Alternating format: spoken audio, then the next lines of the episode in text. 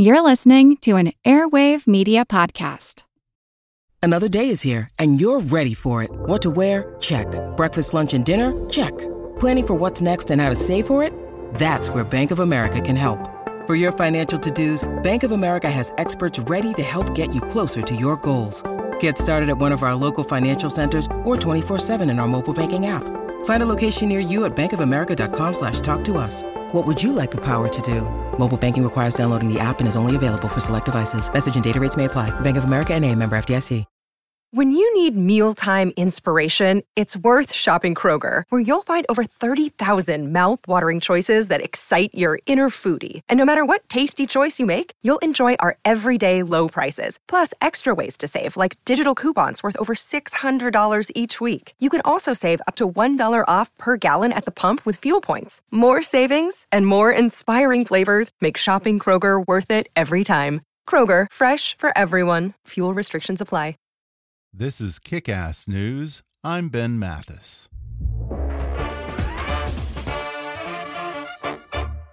The future is coming. Make it brighter with Squarespace. Squarespace makes it easy to turn your idea into a unique website. Showcase your work, blog, or publish content, even sell products and services of all kinds in just a few clicks. You can customize everything from look and feel to settings and products using beautiful templates created by world class designers. And there's nothing to install, patch, or upgrade ever. Head to squarespace.com for a free trial, and when you're ready to launch, use the offer code KICK to save 10% off your first purchase of a website or domain. Again, that's squarespace.com and offer code KICK. And now, enjoy the show. Hi, I'm Ben Mathis. Welcome to Kick Ass News. Unlike many actors, Academy Award winner Tim Robbins didn't dream of stardom or a big Hollywood payday. From an early age, he dreamt of starting a theater company. 37 years ago, straight out of college and at the very beginning of his career, Robbins co founded the Actors Gang, which has since become one of the most innovative and acclaimed theater companies in America. And for Robbins, it's been a lab of sorts where he pushes the envelope of story and technique and a creative North Star that keeps him focused on his craft and immune to the trappings of celebrity. Today, Tim Robbins comes on the podcast to talk about how he funded his first play while he was still a struggling actor, how his latest play, The New Colossus, is putting personal faces to the immigration issue, and why he's using the Actors Gang to bring theater into California prisons. Tim discusses how his new HBO series, Here and Now, is tapping into the cultural zeitgeist and addressing a range of problems from racial tension and political divisions to social media and political correctness. He shares his thoughts on the state of the entertainment industry, how Harvey Weinstein reminds him of shady operators he encountered growing up in New York's Greenwich Village, and how he studied to prepare for his role as a ruthless studio exec in Robert Altman's The Player. He talks about how Altman mentored him and helped him make the leap from actor to director on his first film, Bob Roberts, and why the classic political mockumentary seems more relevant now than ever. Plus, Tim opens up about turning 60, weighs in on the current struggle for the soul of the Democratic Party, laments a $500 check he wrote to ultra conservative Michele Bachmann, and recalls the time he heckled Henry Kissinger outside a famous celebrity restaurant. Coming up with Tim Robbins in just a moment.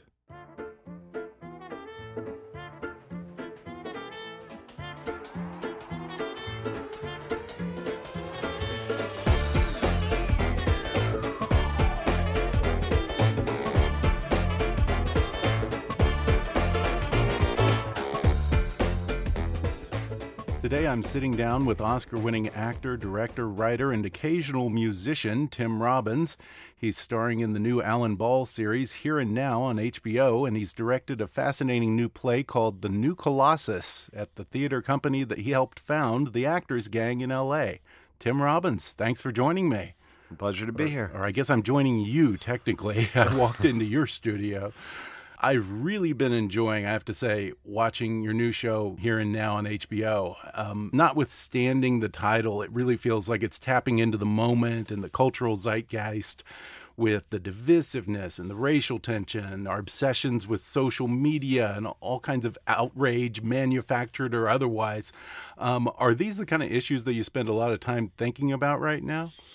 I think we're all thinking about them. We're all uh, dealing with them. Um, I'm really uh, glad to be in a show that is bringing that question up, is presenting that Mhm. reality. Uh, I love pieces that result in discussion, conversation, um, that uh, are provocative in that way. And uh, I believe Alan Ball is doing that with uh, Here and Now. Yeah, and what is it like to work with Alan Ball? I mean, so much of his work seems to be tinged with mystery and metaphor. Half the time, I feel that he's just screwing with my head.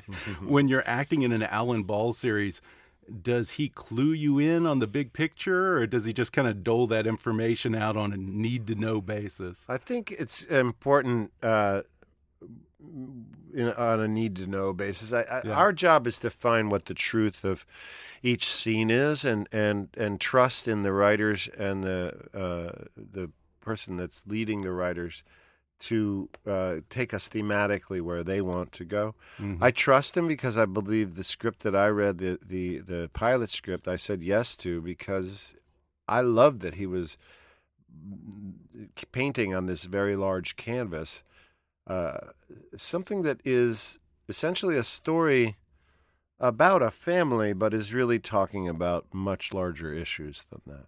and your character is sort of going through this existential crisis at the moment he turns 60. You're just a few months shy of your 60th birthday. Are you a little afraid that you're going to completely lose your shit when you hit the big 60 and or, or do you think that you've pretty much got things under control at this point in Um, your life? Pretty happy, pretty content right now with my life. Yeah. Okay. Yeah. I, I am uh, not Greg. Yeah. I, I have a different way of dealing with things than Greg does. Mhm. But I think he's indicative of a lot of people that, you know, reach a certain age in their life and, uh, you know, they uh, act out in unhealthy ways. Uh, their whatever despair they're going through or crisis they're going through or lack of faith in themselves. And oftentimes it results in, in behavior that's detrimental to the people around them. And it's interesting to see a philosophy professor having this existential crisis. Um, is that something that you've had to do research into, or do you consider yourself a philosopher or a student of philosophy?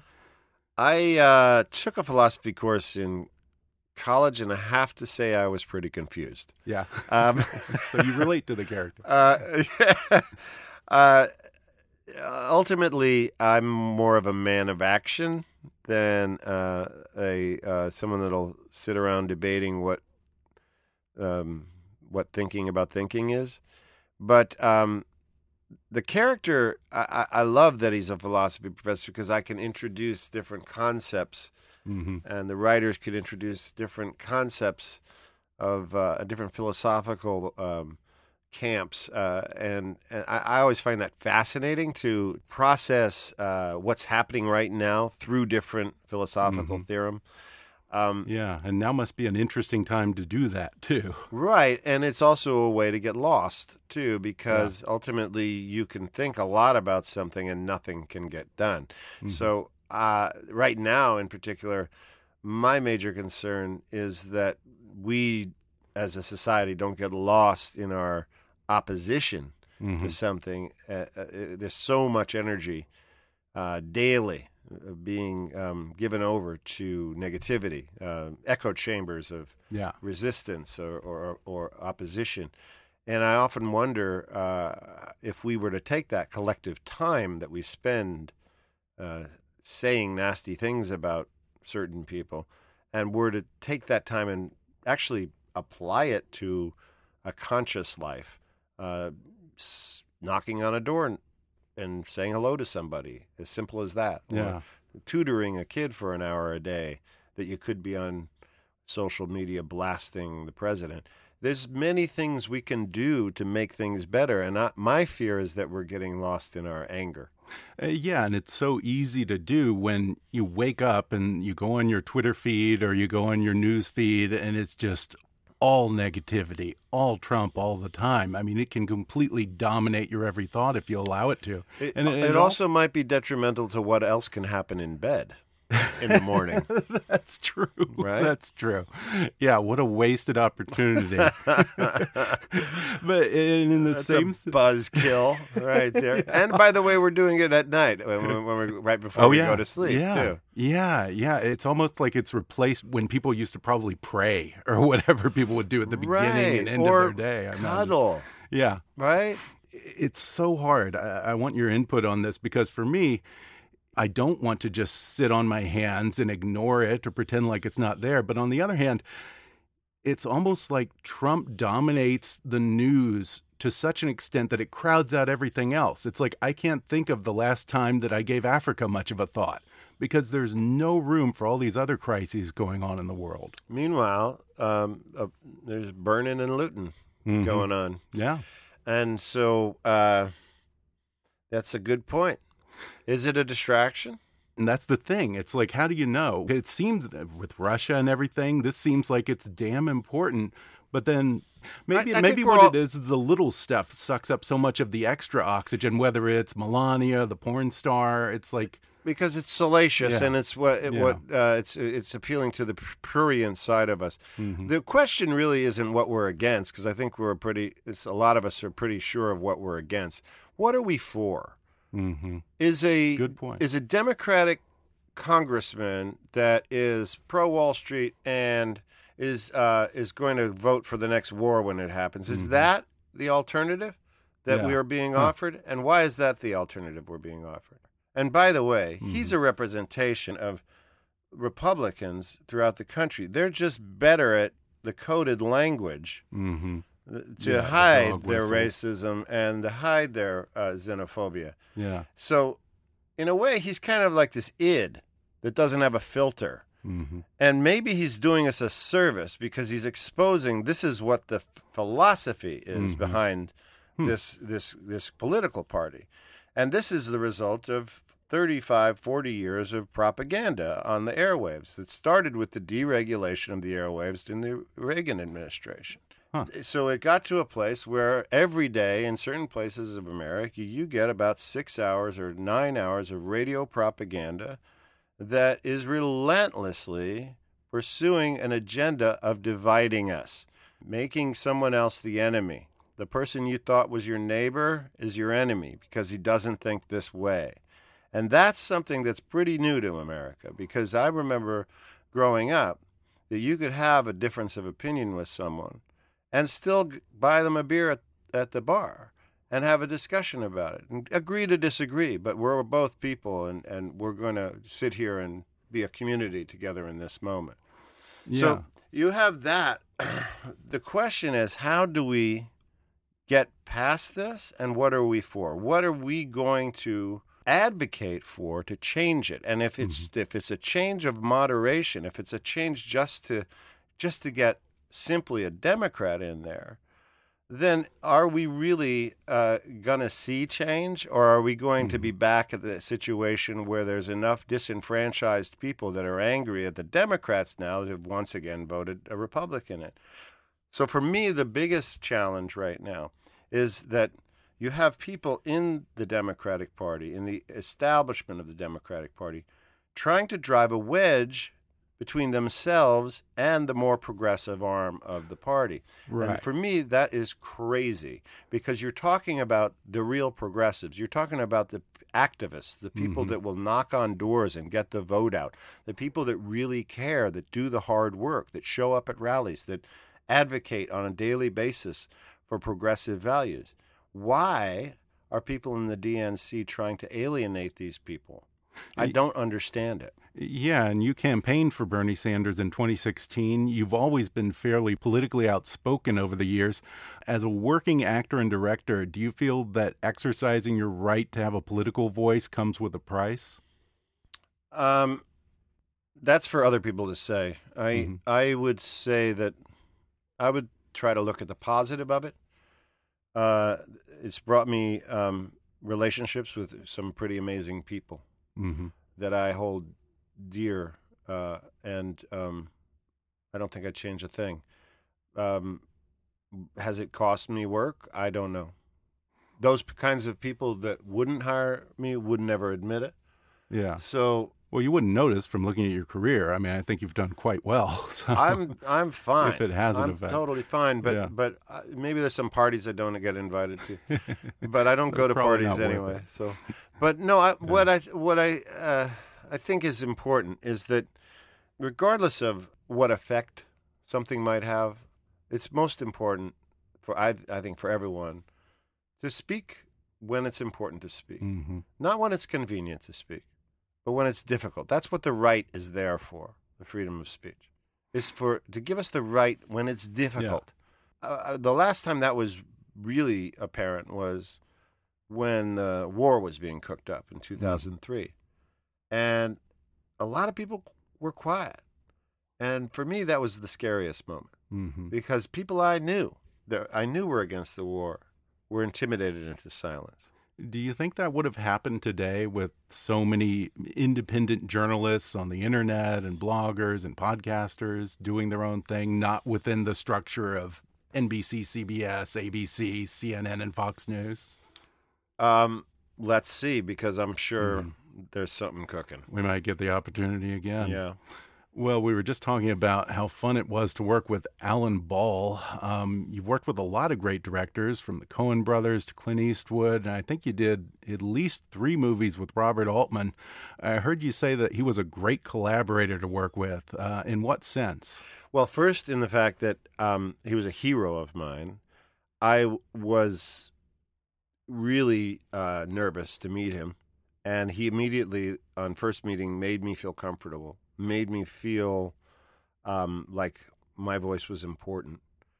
And when hi- he hired me to do the player, took me in as a collaborator, he asked me and that was a rare thing for me because I was Mhm. a writer and a director myself in theater at the time, uh, and he was aware of that. And there's two ways that directors deal with that kind of thing. Either they don't hire you because they they're they're they don't Yeah, want the no one wants a contribution, backseat driver. right? Yeah. But I've never done that, by the way, as an actor. I've always like, Yeah. you know, you want to direct, great. I don't want to direct right now. But um, no, but he. I remember one of the first days I was in his office and we were talking about the script and ideas for what we could change. And someone came in his office and uh, someone on the crew and said, "Bob, I have a question," you know, and asked the question. And Bob said, um, "I don't know. What do you think?" And I The was Socratic director. I was really impressed because I knew Uh-huh. he knew the answer to the question Oh, interesting. So there was And- a little bit of mentorship there also. in everybody, interesting. in everybody in the crew. He made everyone feel like they were part of the process. Every night at the end of a day of shooting, we'd all meet in a, in the production office and see dailies together. Wow. And then there'd be mm, um, a little bit of food and some beer and wine. And so it was a real collaboration that I, I took with me uh, when I wanted to direct my own films. I, I learned a tremendous amount from him. A- And what a time to be working with him because the movie that you did with him, The Player, was really his comeback movie. When you played that character, the smarmy studio exec, what was his name, Griffin Mill or something like that, um, were you drawing on some of your own interactions in the industry? Did you know guys like that in this town? I did, and I I actually um, two of two executives allowed me to sit in their offices Oh, for a few hours while they took phone calls, and I listened Yeah. in on the phone calls. No kidding. Um, Are they unbe- still working? uh, in some capacity? okay. Okay. but uh, it confirmed a lot of things for me. But it also, uh, as you do when you research a part, it also um, illuminates Mhm. subtleties and different complexities that you didn't think were there. so uh, the whole idea of survival as a studio executive was, I think, uh, what I took out of it. Uh, Mhm. that no one ever wants to be wrong, and being wrong can cost you your job. Yeah. Um, so Which is why no one sticks their neck out and ever does anything interesting in this business. Yes, and it's gotten worse Yeah. since '92. So, but also the other thing that when we had when we were in Cannes, I remember very clearly. Uh, we just uh, won. um uh, I think Bob won Best Director. I won Best Actor at the Cannes Film Festival. The the film was a huge hit, and Bob says to me, "You know what? I think we were too nice to them." that was his immediate take on it. He was like, "I think we let him uh, get away too easily." Well, speaking of Hollywood douchebaggery, I know that you've dealt with Harvey Weinstein a few times over the years. Um, I don't know if this is true or not, but I hear that he's a bit of a cad. what was your experience Whatever like? made you think that? Yeah. Um, nah, I uh, he uh, he bought uh, Bob Roberts, Miramax at the time, uh, Right. did a deal with uh, Paramount. They um, bought uh, my film Bob Roberts, which played in Cannes the same year as The Player did, That's right. They were kind of parallel Yeah. to each other. and it was Yeah. in Directors Fortnight, and got great reviews. And so I came out of Cannes with a deal uh, for distribution and a good contract that gave me Final Cut. Uh-huh. And, um, you know, over the course of the next three months, I got countless phone calls from Harvey saying, I want to cut this, I want to cut this, I want to cut this, you know? and I was like, no, uh, it played really well in Cannes, and I want to keep it the way it is. And Mhm. I'm not interested in going back into the editing room, and I've got Final Cut. And so Huh. it was, you know, that was my first experience with him, and including a couple conversations that were kind of disturbing, where he, I knew he was lying and he swore on a family member that he wasn't lying. It's just weird stuff like that that immediately Yeah. kind of told me this guy was a piece of work. And then over the course of uh, time, I think it was a couple of years later, I was offered a film. Uh, they had just done a deal with Disney. Uh, they the brothers had just pocketed, I guess, Right, thirty or forty sold. million dollars each, and he was offering me uh, a movie uh, and going to pay me scale. And I said, Harvey, you just pocketed thirty million dollars. When are the creative people that got your company there going to see some of that? Yeah. And he said he'd call me back, and an hour later he calls me back and he says, you know, listen, um, I'll offer you a million dollars, but you can't tell any of the other actors on the on the movie because I'm paying them all scale. And I said, Harvey, you don't understand what I just you didn't understand what I just said to you. It wasn't me. I was this wasn't a shakedown. I wasn't trying to I was saying, when are you going to enter into the realm of paying people that are creative? And anyway, that was the last time I I really worked for him. I mean, I did Yeah. a favor for Altman on Pret a Porter, which he produced, Right. but it had nothing to do with Harvey. Yeah, It's interesting that you say this wasn't a shakedown because that's probably the only kind of thing that a guy like Harvey understands. He's someone who was such a rough character who just kind of operated on street smarts by the seat of his pants and by bullying. But I grew up with that in New York Really? City. Yeah, You know, yeah. I knew this guy. I didn't know him personally, but I knew that kind of guy. And just mm-hmm. like I know the kind of guy Trump is from New York City. Yeah. You know, these operators, these con men, they, they, they- they're you can see them a mile away if you if you if you grow up around them. And so that was my instinct immediately with both of them. What was it like to take that huge leap from acting where, you know, you show up, you know your lines, you do your job, and that's really your whole responsibility to directing where you're in charge of this massive operation? I mean, it's every movie is a little bit like launching a mini D-Day invasion it seems. It's a it's an apt metaphor because I've often described it as a general. You know, someone that Uh-huh. has to uh, motivate the troops to go up storming Yeah. up the hill. Yeah. And in, that was literally true. One day on shooting, we had to t- shoot on top of a hill, and it was raining, and we had to get a crew up a steep incline to this hill to shoot this uh, music video in Bob Roberts of uh, called um, "I Want to Live," and. Um, yeah, it's uh, it's really exciting. It's really uh, I loved it. I, I had directed for many years in theater. I knew uh, about that process. I knew about the process of rewriting, about the uh, essence of uh, the truth of what you're trying to get from actors and how to rewrite it to be that. So I got all that, but uh, also acting in it at the same time. I it was a big challenge. I, I made sure I knew all my lines. I made I I, I showed up on time, and um, That's right, because you were doing double duty on that movie. Right. I tried not to get into too many fights with the director. You know, these kind of like fights with myself. So, uh, but I also relied on on a very solid cinematographer who I'd worked with on the player. We had very little playback. We had Mhm. playback for only the more complicated shots. Oh, Um, really? Yeah.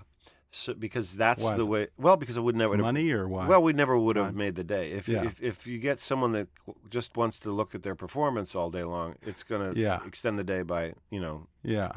three or four hours. Did you find that helpful creatively as well? It's just most in the idea of just let it go. Mm-hmm. Exactly. You know, go move forward. yeah. Get the day done. We're going to take a quick break, and then I'll be back with more with Tim Robbins when we come back in just a minute.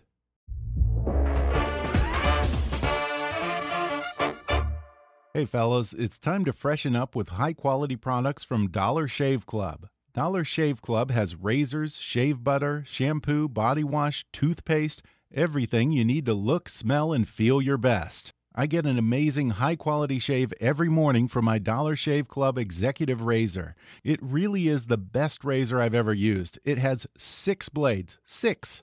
I probably used that one razor every day, and it was still giving me a clean shave even after two weeks. And I gotta tell you about their Dr. Carver's shave butter. It is downright luxury for your face. It smells great, it's easy on my skin, and it goes on clear, so you don't have that poofy white shaving cream beard. You can actually see where you're shaving. But Dollar Shave Club is so much more than just shaving. They're now my go to for toiletries, my hygiene guru. Quality products at a good price, automatically resupplied every month straight to my front door. And since DSC delivers everything to you, you don't have to set foot in a store. I love that most of all. Clean up your bathroom and your morning routine. Join Dollar Shave Club today, and for just $5 with free shipping, you'll get the six blade executive razor plus trial sizes of shave butter, body cleanser, and one wipe Charlie's. Then keep the blades coming for a few bucks more a month. Get yours at dollarshaveclub.com slash kickass. That's dollarshaveclub.com slash kickass. Listen up, millennials and serial procrastinators. When you're young and you're fresh out of college, you've got your hands full with the day to day stuff. You're focused on getting a job, dating, paying your rent, which doesn't leave much room for thinking about the long term. But you got to grow up sooner or later, at least a little bit, and that means thinking ahead and protecting the things that matter to you. Did you know that 71% of people say they need life insurance, but only 59% have coverage? That means at least 12% of people are procrastinating. And sure, normally procrastinating is a bad thing. But if you've been avoiding getting life insurance, congratulations, because while you were procrastinating, Policy Genius was making life insurance easier. Policy Genius is the easy way to compare life insurance online. You can compare quotes in just five minutes. And let's be honest, when it's that easy, putting it off becomes a lot harder. You can compare quotes while sitting on the couch watching TV. You can compare quotes while listening to this podcast. Policy Genius has helped over 4 million people shop for insurance and placed over $20 billion in coverage. And they don't just make life insurance easy, they also compare disability insurance, renter's insurance, and health insurance. If you care about it, they cover it. So if you need life insurance but you've been putting it off because it's too confusing or you don't have the time, check out Policy Genius. It's the easy way to compare top insurers and find the best value for you. There's no sales pressure and zero hassle. And best of all, it's free. PolicyGenius.com. When it's easy to compare life insurance, why put it off? And now, back to the podcast. You know, I have to say, I saw Bob Roberts when I was just a kid when I saw it with my mom, but I remember thinking it was so cool and so smart when it came out. Now, I think you're positively a soothsayer. I mean, looking back, do you feel almost omniscient when you see the parallels to everything that's going on today? Well, how can I answer that question? I feel like we hit we hit a lot of truths with that Mhm. character uh, of an emerging political archetype, the rich man that uh, wants to go into public service, and there's something about that I just don't really believe. You know, you know, it started with Yeah. the idea that you know the well, for the Kennedys certainly they were from a very wealthy family and and the, I think there was a, a sense of service with them but then this kind of yuppie uh, Republican started to emerge in the 80s uh, and I didn't think there was uh, a lot of altruism behind that and so I wanted to portray that kind of hypocrisy the idea that someone with a well-oiled machine and millions of dollars can essentially um, present themselves as a populist and get elected, and Mhm. then serve the serve the the masters that that got them there. It's you know it's playing out right now. There's is. no swamp being drained. It's just Yeah. getting a lot murkier. I mean, in some cases, I think that it feels like there are exact lines from that movie that I've seen on the news. Do you think he watched it as a political strategy? Maybe. well, you also wrote the songs for Bob Roberts as well. Um, With my brother David. yeah, yeah. Doesn't that kind of run in your genes? I think your dad was a folk singer. Is that right? That's right. He was in a group called the Highwaymen, uh, who Yeah. uh, had a, quite a few successes in the early '60s and did some touring. And uh, we lived in Greenwich Village, so we were around the folk scene. My dad worked at the Gaslight Wow. uh, uh, Oh, wow. cafe. The 60s and 70s, I Yeah. guess, right? Yeah. Wow, that was the time when everything was happening there. So I saw some pretty amazing things as a bet. child uh, in the Gaslight Cafe. You know, Sonny Terry and Brownie McGhee live, Wow. Oh Cat Stevens live before my he God. became famous. Um, Richard Pryor, I snuck in one night. You're kidding. And, Wow. And my dad kicked me out. Said, you, how, "How'd you get in here?" Oh my God, Um, that's amazing. I saw some pretty cool stuff. And the whole culture at the time of the of Greenwich Village was Yeah. such an Oh, interesting yeah. culture, which I've never really seen portrayed properly on Mhm. film. Uh, it was a really interesting mix of the most progressive, um, artistic, creative people and old world conservative values, uh, uh, old world immigrant, um, Uh huh. Oh yeah. Italian and Yeah. Irish. A, a clash of cultures. Yeah. I mean, what is it like for you now when you return to the village and it's taken over by hipsters and yuppies and every corner has a Swedish furniture store or an I've- I- artisanal cupcake place? I wrote know? the first draft of Bob Roberts in 1985 Mhm. when I was back there doing a film called Five Corners. I'd been away from my neighborhood for about uh, six, seven years at that point, and already it, it, it had transformed. So I originally wrote a short film for Saturday Night Live of a yuppie folk singer, but not a politician.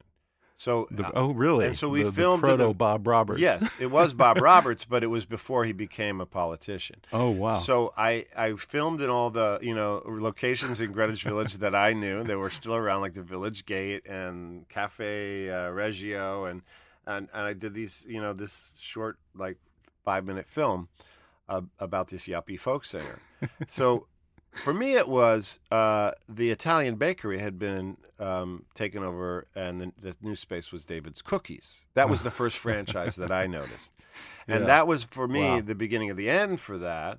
I try not to be one of these people that is like, oh, I back in the remember old- when, I remember the, you know, used to be so good because it used to be dangerous. Mm-hmm. Actually, it was it was a lot more dangerous to live there. But there was something about that Mm. that perhaps was more vital to creativity. Yeah. I I, I think that Manhattan uh, it's a big challenge right now because real estate is too expensive in New York right and it's happening in other cities, but but particularly in New York and San Francisco, when when it's impossible for a young creative musician, visual artist, actor to come out of college and go to a certain area, impossible economically.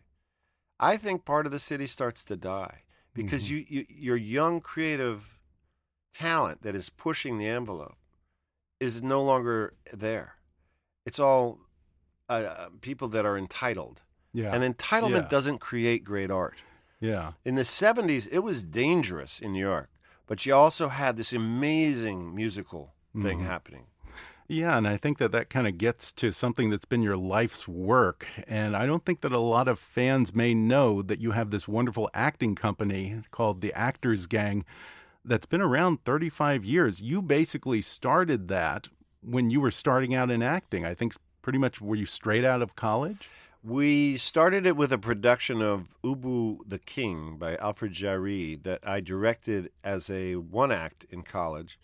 And we took the cast, or most of the cast of that, and I found a theater in Hollywood that would allow me to uh, perform the play at midnights on Fridays and Saturdays. And so we shared the theater with another theater company, and we came in there at ten thirty, loaded our stuff in, and performed. And it was a big hit, uh, and it ran for six months. It was a really wild rock and roll crowd, and that's what started the Actors Gang. This uh, the success of that, and through the course of the years, uh, I've uh, particularly in the beginning, I was able to put the money that I was earning doing episodics and sitcoms uh, appearances uh, into theater immediately. And so, Really, your yeah, own isn't that the first rule? You never put your own money in the show. yeah, well, I, I I disagree with that because Okay. it, it allowed me an opportunity to write and direct. And, Oh, yeah, and okay. It gave me an opportunity to learn how to do that. Interesting. And um, so, I, 35, 36 years later, we're uh, a theater company that's traveled all around the world. We've been in five continents, on in 40 U.S. states. Uh, we we um, dream of a lifetime performing in a ancient Roman amphitheater, oh, that's cool. um, and and in in Lyon, France, uh, in Spoleto, in uh, in Italy. Uh, it's been a really amazing journey, and it wha- the other thing that the Actors Gang allows me to do is work on what I want to work on. hmm I am lucky enough to have um, not been stupid with my money, and I really don't have to continue to work as an actor. I choose to do it when I like the script, and I, I know how blessed I am to be able to have that freedom, and it's a luxury in a way. But when I have free time, I get to go to a place where we all talk the same language. We're uh, we have a common vocabulary on stage, and I can develop new pieces hmm with this great group of talented people that I've been Huh. training for many years. So it's sort of like your own little personal lab where you can indulge your inner mad scientists and experiment with new forms and do things that you might necessarily be able to do within the confines of the quote unquote entertainment industry. Right. It doesn't take a, a ton of money to do it. hmm It doesn't. Um, you know, it, it, it, we can we can do any kind of material. We can ask any question, and the one we're doing right now is is a direct result of that. It's called the New Colossus. Yeah. And when I when I went, um, it was two two three years ago. We first started working on it, where we asked ourselves the question: What is a refugee? The Syrian refugee crisis was happening. There was a lot of kind of rhetoric in the news media, somehow conflating the, this massive uh, um, refugee problem with the potential rise of terrorism. And I was like, what are you talking about? These people are women and, and children that didn't want to die. And to conflate those two, it's just, it was so offensive to me. Mhm. So we started asking ourselves the question in the company where are we from? And so all of the actors um, researched their own families' journeys. Oh wow, that's amazing. And so we had stories. so they're telling their own story or their family's story. That's right. They, Wow. They're telling their ancestors' story. And so we have everything from 1868 to 2017. hmm We have recent and people that, you know, uh, immigrated a long, long time ago. hmm And we have a common experience. As hmm. Americans, we all are from somewhere else, unless you are an indigenous person in North or South America. And even then, it's there's a by now there's a mixture between the indigenous and those that settled. So really, we're all the same, right? In a lot yeah, of the ways. experience is universal for every And- American at some point in their family tree. Right, except for African Americans, people that were Mhm. brought here against their Right. will. Right. A lot of whom don't even know what country Yeah. they were stolen from.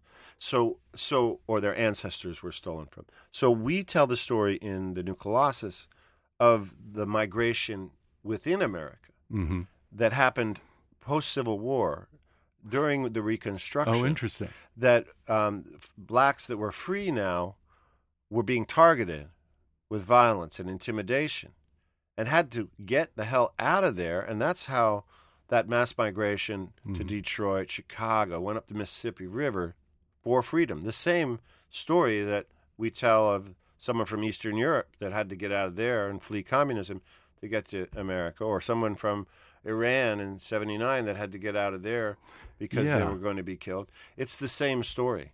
Yeah, it seems to me that it's just so unbelievably illogical this idea that someone from another place is going to risk everything, leave their family, deal with all that heartache and all that fear just so they can come to a new place and completely ruin that country. I mean, Right. It just doesn't make any sense. It doesn't make any sense, and it's it's based in fear and Mhm. lies, and it's it, it's uh, it's a, a narrative that we wanted to tell uh, an anti-narrative towards.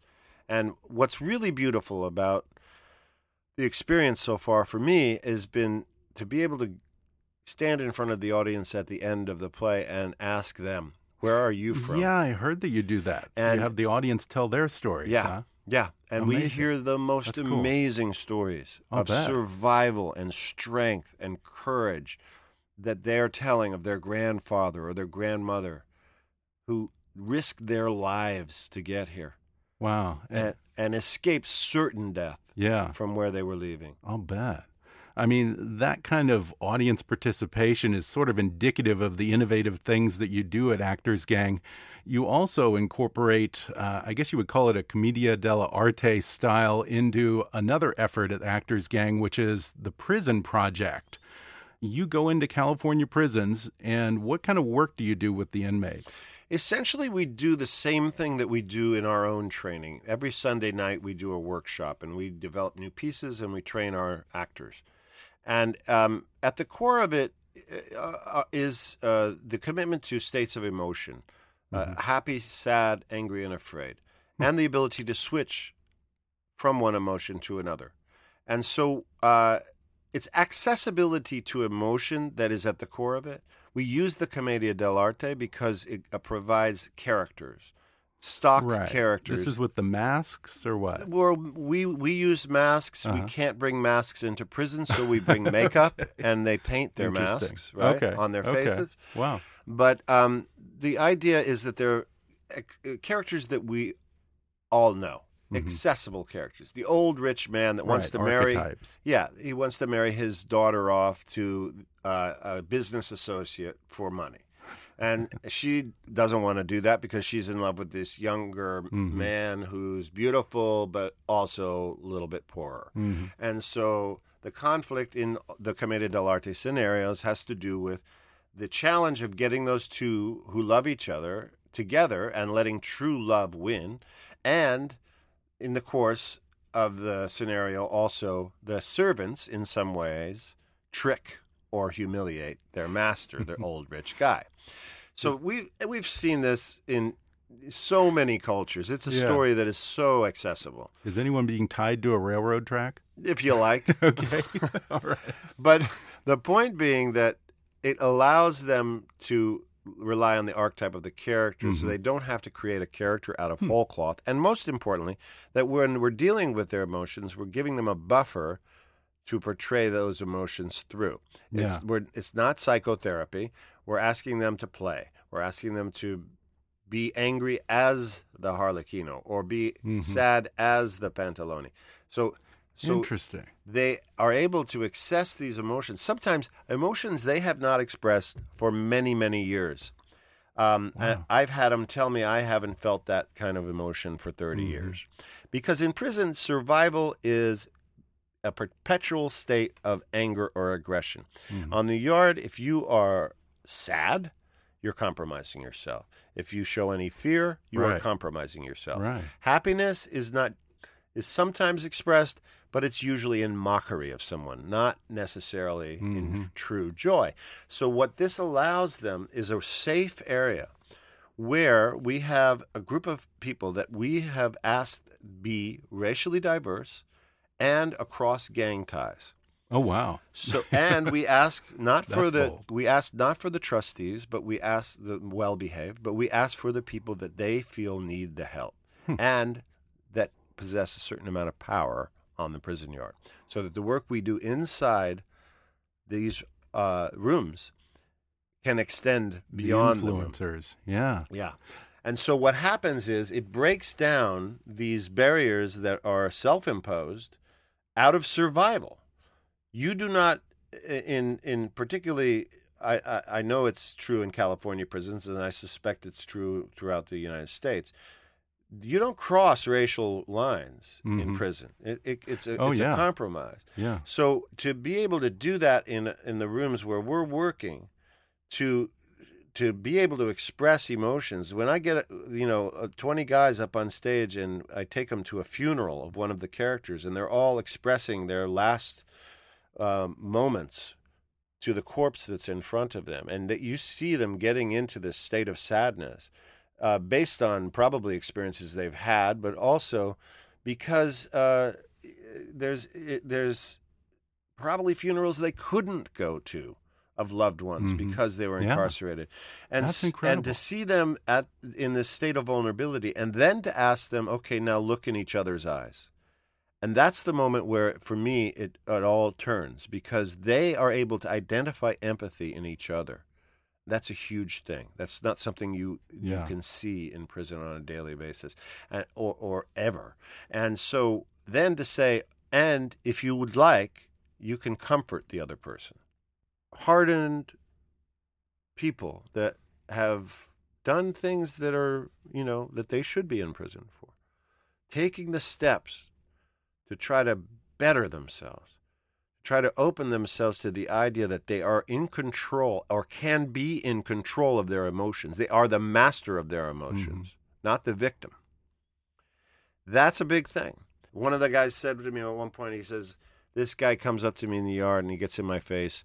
And, you know, before I took this class, I would have just gotten into a fight. I would have gotten a 115. I would have gotten more time on my sentence. I looked at him. I saw his eyes. I didn't buy it. He looked like someone from the Commedia dell'arte, and I just started to laugh. And it completely diffused the situation. And the recidivism rate I read is apparently way lower among the graduates of the prison project than the general prison population's recidivism rate, right? Yes, it's significantly lower. And we have an 89% reduction in 115s, which are in, in prison infractions for anyone that's been through That's really great. So it so it's working. Yeah. And um, for me, it's uh, for me, it's a public safety issue. Mhm. If if you have no rehabilitation that works in prison, you're just asking for more trouble. Mhm. And knowing that 97% of the people that are in prison are going to be getting out, wouldn't you want them coming out with better tools to deal with Yeah, what's the challenges, point if not? struggles than when they went in? Absolutely. Now, do they ever bring up Shawshank Redemption? Yes, they do. yeah. Yeah. That gives some hope that there is such a thing as redemption and second chances, and hopefully will be another chapter to your life. This isn't the end. So, It's also uh, really uh, resonates. It doesn't. uh, It, do, it. I was thinking about this the other day. The heroism in that movie is related to building a library hmm and playing Mozart. Hmm. Not in some fight. Not in some you know winning some game. yeah. It's in broadening your vistas, your the capabilities of your mind and your soul and your spirit. Inspiring words. Well, before we wrap up here, just two quick questions for you. A couple things that I've heard over the years. Once you heckled Henry Kissinger. Is that true? I did, yeah. And you donated $500 to Michele Bachmann? Yeah, apparently Was that I a did. larger play? You were trying to like You thwart know- some other candidate? I don't understand. I I don't understand it either. Apparently, uh, I I suppose I think I, I, the way I remember it was that I read this article about Democrats that had supported the Iraq War Oh, okay. and who was running against them. Okay. And I was really angry that Democrats supported that war. Yeah. So I So- I did make a mistake. So you were okay. So you supported her to thwart I didn't support Democrat her. I just who- threw her some money. I didn't do any campaigning. I didn't. I, I just was like, I, I got some money. I'm I'm angry at this person. I'm going to make them pay. But my point is though, and, and by the way, the, the the Henry Kissinger thing was. Uh, in front of my son, which I, Yeah. which which was really interesting because he was young at the time, and I yelled something at Henry Kissinger. Why are you harassing that little old man? He said, what, what was that all about? I said, well, that guy was responsible for a lot of death in Cambodia. And then I filled him in later in life about the details of that. But um, Yeah, um, I, I, I'm. I guess that's all I have to say. Politics makes strange bedfellows. I wouldn't it? even say it's a bedfellow. I would Yeah. say it was a a um, a, uh, a bad drink I bought for someone at a bar. well, again, folks, um, you can watch Here and Now on HBO and definitely catch Tim's play, The New Colossus. it's extended through May 12th Okay. on Saturday nights only at the Actors Gang. Okay, folks, go see it. Tim Robbins, it's been fun. Thank you. Thank you. Thanks again to Tim Robbins for coming on the podcast. The New Colossus is playing now through May 12th at the Actors Gang in Culver City, California. For tickets or to learn more about the Actors Gang and the Prison Project, visit theactorsgang.com. See Tim Robbins and Alan Ball's excellent new series Here and Now with a subscription to HBO, HBO Go, or HBO Now. And keep up with Tim at timrobbins.net or on Twitter at, at timrobbins1. Folks, if you're an entrepreneur, a small business owner, or even if you have a side gig, let me introduce you to Grasshopper, the entrepreneur's phone system. Grasshopper lets you send and receive calls and texts from your new business phone number. That way, you can run your business from anywhere and respond to clients quickly with Grasshopper's mobile apps. Grasshopper, sign up today. Go to grasshopper.com/kick to get $20 off your first month. Again, that's grasshopper.com/kick. If you haven't already, be sure to subscribe to Kickass News on iTunes and leave us a review. You can follow us on Facebook or on Twitter at, at KickassNewsPod. And as always, I welcome your comments, questions, and ideas at comments at kickassnews.com. I'm Ben Mathis, and thanks for listening to Kickass News.